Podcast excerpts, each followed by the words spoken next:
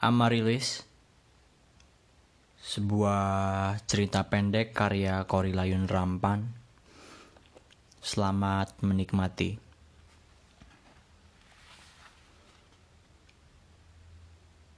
Tiba-tiba aku merasa tua. Tadi Barusan sedetik Ketika Bambang putraku semata wayang Mengatakan akan memperkenalkan pacarnya Orangnya baik sekali ya. Bambang menunduk di depanku. Ayah pasti senang. Ia lembut, segar, cerdas, dan keibuan. Aku merasa lebih tua lagi ketika Bambang melanjutkan bicaranya. Kami sudah saling serius. Tinggal menunggu ia habis wisuda. Jika ayah setuju, Bambang ingin ayah melamar. Ku tahu banyak gadis yang menjadi teman kencan Bambang. Akan tetapi baru kali ini ia benar-benar serius. Tak pernah ia meminta pertimbanganku jika membawa tamu wanita ke rumahnya.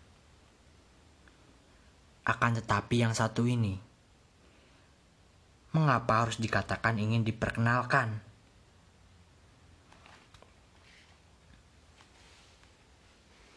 Sebagai insinyur lulusan perguruan tinggi ternama dan kini dalam usianya yang baru genap 25, Bambang memang bukan lelaki yang sulit menemukan wanita.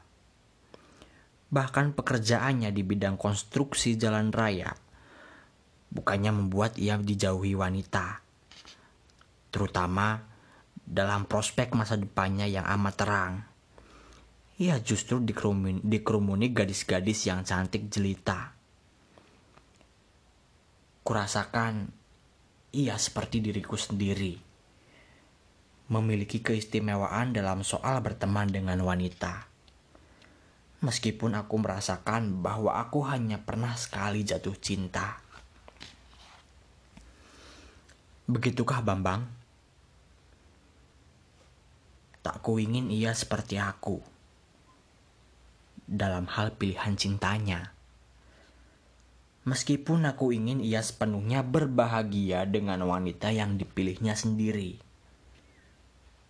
Kuanggukan saja kepalaku, mengiyakan bahwa aku siap jika minggu ini Bambang memperkenalkan calon istrinya. Kau merdeka memilih dan menentukan jika itu membuatmu bahagia, Bang. Suaraku rasanya cukup jelas meskipun mengalir dengan lambat di tenggorokanku. Karena memilih boleh banyak. Tetapi jika pilihan telah mantap, yang dipilih hanya satu. Ya, itu yang akan Bambang perkenalkan dengan ayah. Ia masih tersenyum, seperti dahulu, saat ia masih kugendong, sehabis ibunya tiada.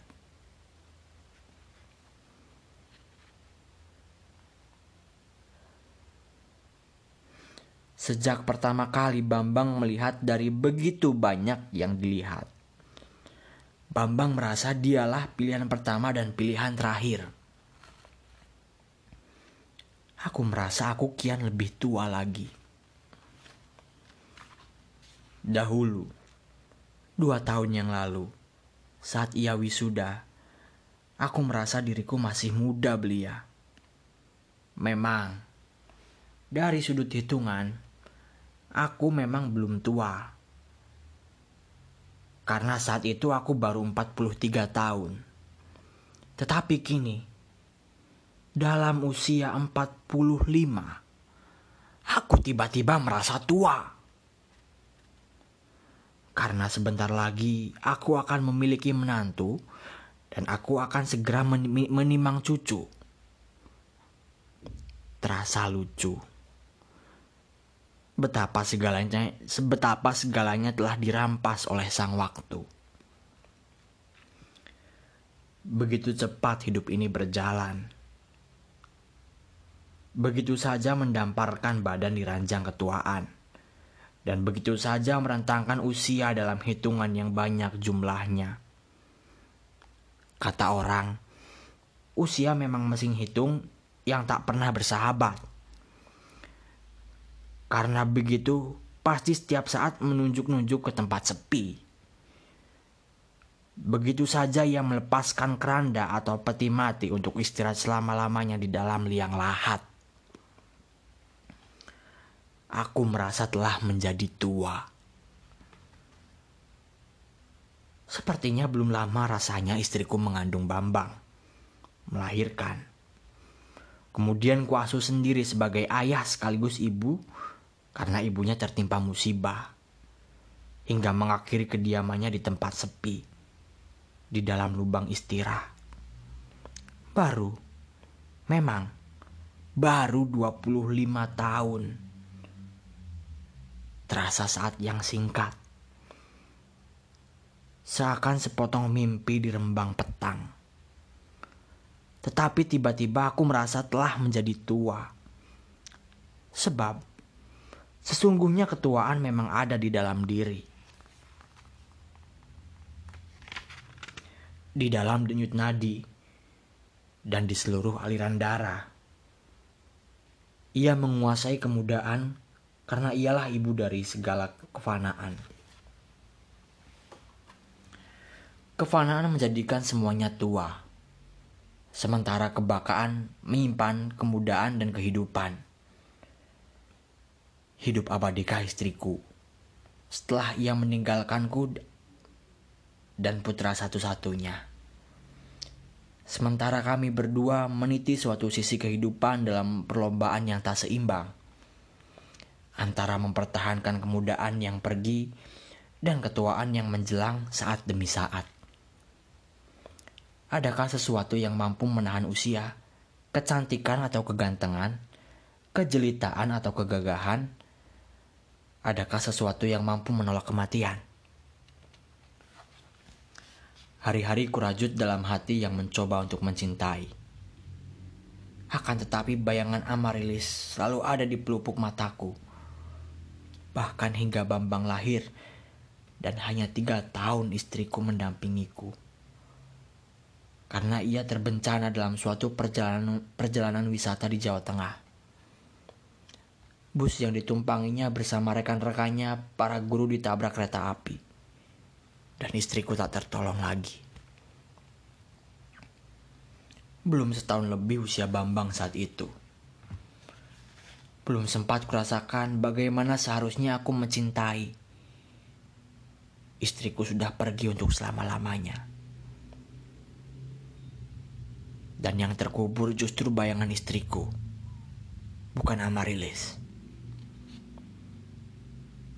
Ku lupa istriku, meski aku sangat mengasihi Bambang. Kurasa hidupku sempurna sudah, karena ada Bambang. Meskipun aku tak mungkin menyempurnakan kehendak hatiku menyunting Amarilis. Ia aku dengar setelah aku menikah, pindah ke kota lain. Dan tak lama kemudian, Ku dengar ia menikah dengan seorang pelaut. Setelah itu, tak ku tahu lagi bagaimana keadaannya. Apakah ia telah bahagia di dalam rumah tangga yang dibangunnya dengan cinta? Akan tetapi bahagia bagiku, bahagiaku jika aku mengenangnya. Sering ku sesal Bagaimana mungkin aku mampu mengorbankan kehendak dan prinsip hidupku sendiri? Mengapa aku menjadi begitu dungu dan menyerah di dalam di dalam kelobaan adat tradisi dan kemauan orang lain? Sementara aku sendiri yang harus menanggung penderitaan di sepanjang hayat. Aku sungguh senang dengan pilihan Bambang Meskipun kesenanganku itu membuatku makin menjadi lebih tua. Karena aku memuja Amarilis. Bukan Amarilis yang akan menjadi menantuku. Tetapi Amarilis yang kukenal lebih dari 25 tahun yang lalu. Jika aku mengasihi Amarilis yang saat ini, aku mencintai Amarilis yang dahulu.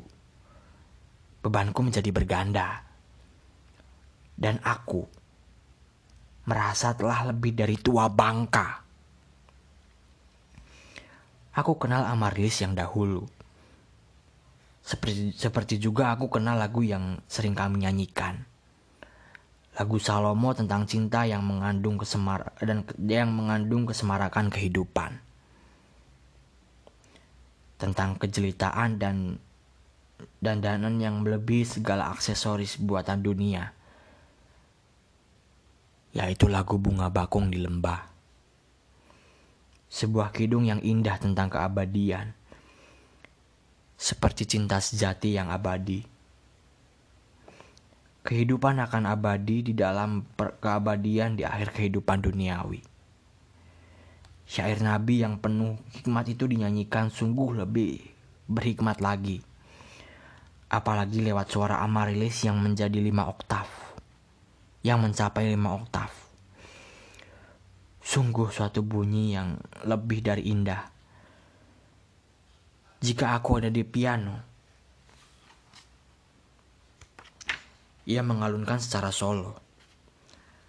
Aku dapat mendengarnya dengan telinga hatiku. Dan jika kami berduet, kurasakan semuanya dalam kepaduan yang mengandung ikatan jiwa. Kami menyanyikannya dengan hati dan jiwa dan di, da dan dalamnya bergetar ketulusan cinta kami yang tulus. Keagungannya yang indah terasa lebih indah karena keluar dari perasaan hati yang indah. Apakah yang lebih indah daripada cinta? Kehidupan. Bukankah kehidupan ada karena ada cinta?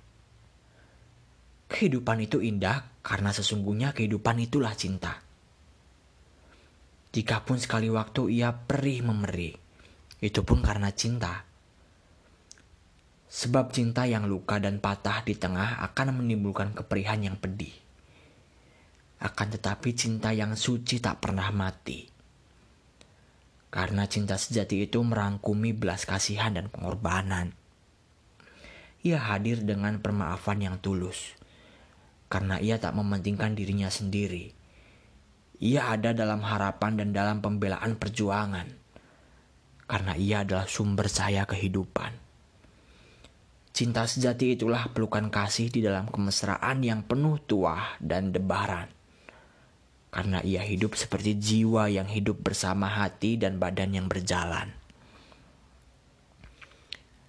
Adakah yang lebih indah dari cinta sejati? Yang lebih kukuh dari pokok jati atau kayu besi? Lebih kuat dari kawat baja dan lebih tajam dari silat yang tajam? Cinta memang lebih tajam dari kata-kata karena ia melebihi bunyi dan suara. Ingatku kata-kata bertuah tentang cinta dan kasih sejati. Bahwa dalam, bahwa dalam keheningan kasih itu terdengar dan terasa. Ia akan membelai hati dan ia akan meminang, menimang perasaan. Karena ia mengembara dari pusat kehidupan ke badan-badan yang berpisahan. Membawanya dalam kebersatuan jiwa dari hati yang saling mendamba. Aku bangga dengan Bambang. Meskipun aku merasa semakin tua. Dari lihatan sekilas, aku tahu putraku semata wayang ini tak salah pilih.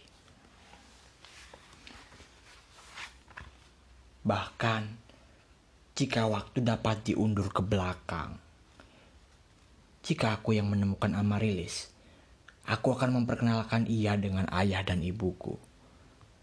Seperti dahulu aku memperkenalkan Amarilis. Hanya kepenguahan tradisi dan aliran darah biru membuatku tak mampu meyakinkan kedua orang tuaku. Dan agar arang tak tercoreng di wajah mereka, aku mengikuti ketentuan adat, kekuatan adat. Ku tahu hati mereka pun luluh akan tetapi sebagaimana manusia yang diharapkan menjadi panutan. aku pasrah untuk mengalah dan menerima jodohku sebagai takdir ilahi. Selebihnya, aku merasa menikahi Amarilis.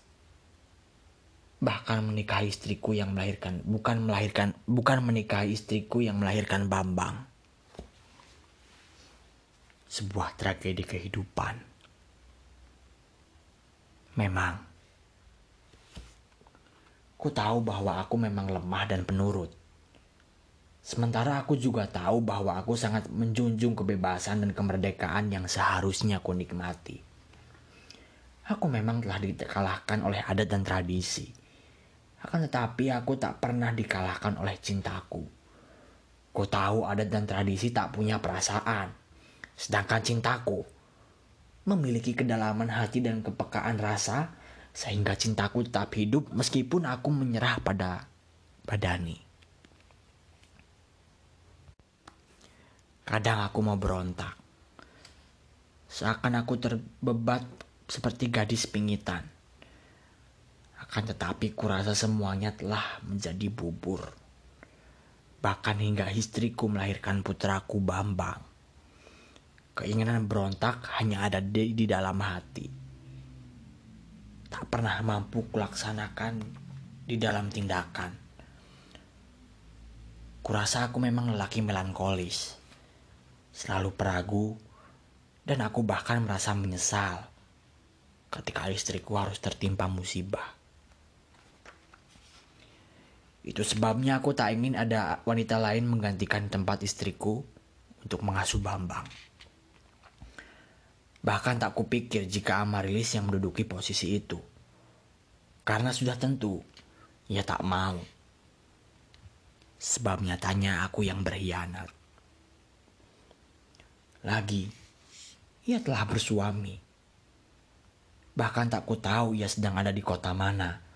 Apakah ia mengikuti suaminya di Ambon, Sorong, Banjarmasin, Palembang, atau Medan. Sampai, lul sampai Bambang lulus sebagai insinyur, aku merasa telah menjadi ayah sekaligus ibu yang sempurna karena mampu mengasuh dan membesarkan anakku menjadi sarjana dan lelaki dewasa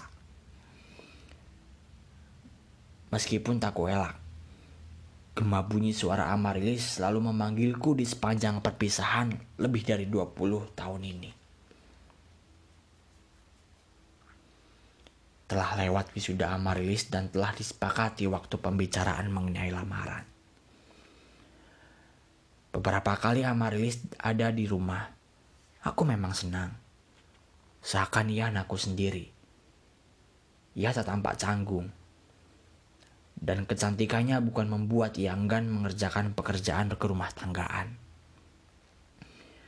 Meskipun ia bukan lulusan jurusan masak-memasak, tetapi ia tampak betah menemani Bieni menyiapkan makanan. Saat ia pamit pulang ke Pekanbaru, bukan hanya Bambang yang kehilangan. Aku merasa harus cepatnya datang melamar, karena Betapa hidupnya rumah dan kamar jika ditata oleh kehangatan tangan wanita. Lebih 20 tahun hanya kami berdua yang mengatur bersama pembantu. Karena suasana rumah lebih berseri setelah Amarilis sering datang dan menata di sana sini. Sehingga keseluruhan rumah menjadi asri. Ada harmoni yang muncul antara selera wanita dan imajinasi lelaki. Sehingga tampak romantis dalam paduan yang pas dan mesra pada lukisan, gambar-gambar, kalender, kursi meja, bahkan pot bunga. Amarilis memang membuat aku lebih kagum.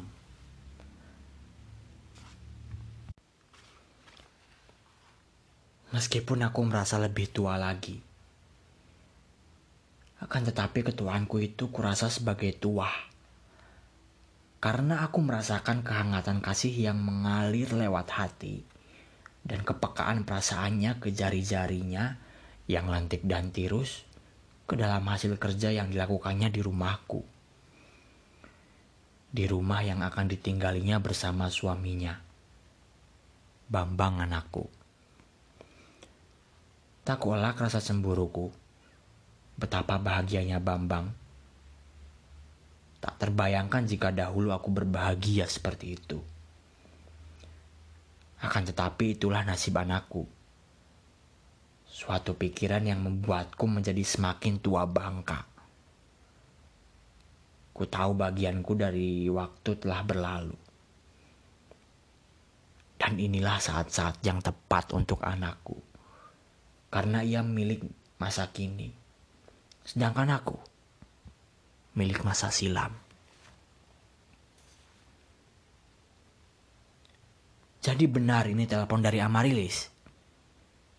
Aku menatap wajah Bambang. Binar matanya aku lihat binar mataku dahulu. Saat aku berusia 20 tahun. Ayah ingin memberitahu kapan waktu ayah bisa datang. Kutekan nomor itu setelah Bambang mengiyakan. Ku dengar suara dan ku dengar lagi dan lagi. Rasanya tak akan kulepaskan. Bahkan hingga berjam-jam, berjam-jam, dan berhari-hari bahkan berminggu-minggu. Rasanya tak ingin kuletakkan gagang telepon itu. Hingga berbulan-bulan dan bertahun-tahun. Tak ingin aku kehilangan suara itu. Sedetik pun Tak hendak aku kehilangan karena aku telah kehilangan lebih dari 25 tahun lamanya. Hampir tak kuhiraukan saat Bambang mondar-mandir dan merasa aneh mengapa aku berbicara begitu lama. Berapa ratus ribu aku harus bayar interlokal selama itu? Tak kuhiraukan. Kalau saja Bambang tak mengejutkan kalau saja Bambang tak mengejutkan aku tentang waktu. Ya, sudah pukul satu ya. Kan ayah pagi ini harus ke Singapura. Terus ke Taiwan. Ayah, ya Allah. Sudah tiga jam aku berbicara. Tadi pukul sepuluh. Sekarang pukul satu lebih berapa-berapa menit. Suatu yang fantastis. Belum pernah aku berbicara begitu lama lewat telepon. Tetapi telepon yang ini sungguh tak ingin kuletakkan tiga jam yang membahagiakan, dan lebih dari itu, ia tiba-tiba membuatku jadi muda kembali. Malam tiga jam yang mengubah segala-galanya. Begitu mendadak, rasanya aku tak siap menghadapi kenyataan bahwa aku telah berubah dari tua menjadi muda. Malam tiga jam yang mengubah keseluruhannya dalam kesejatian agung cintaku dan cinta kekasihku. Kuletakkan gagang telepon dengan perasaan hangat dan mesra dan dengan semangat hidup yang menggebu seperti dahulu saat aku pertama kali menyatakan cintaku pada Amarlis dan menciumnya di depan cermin besar di rumahnya. Sekilas kulihat wajah kami memerah.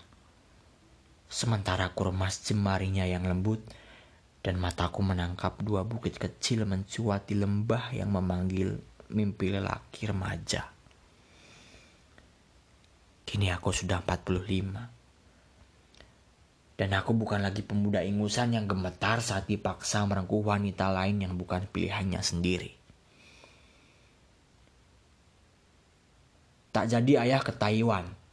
Siapkan segalanya untuk pernikahanmu bulan depan. Juga pernikahan ayah.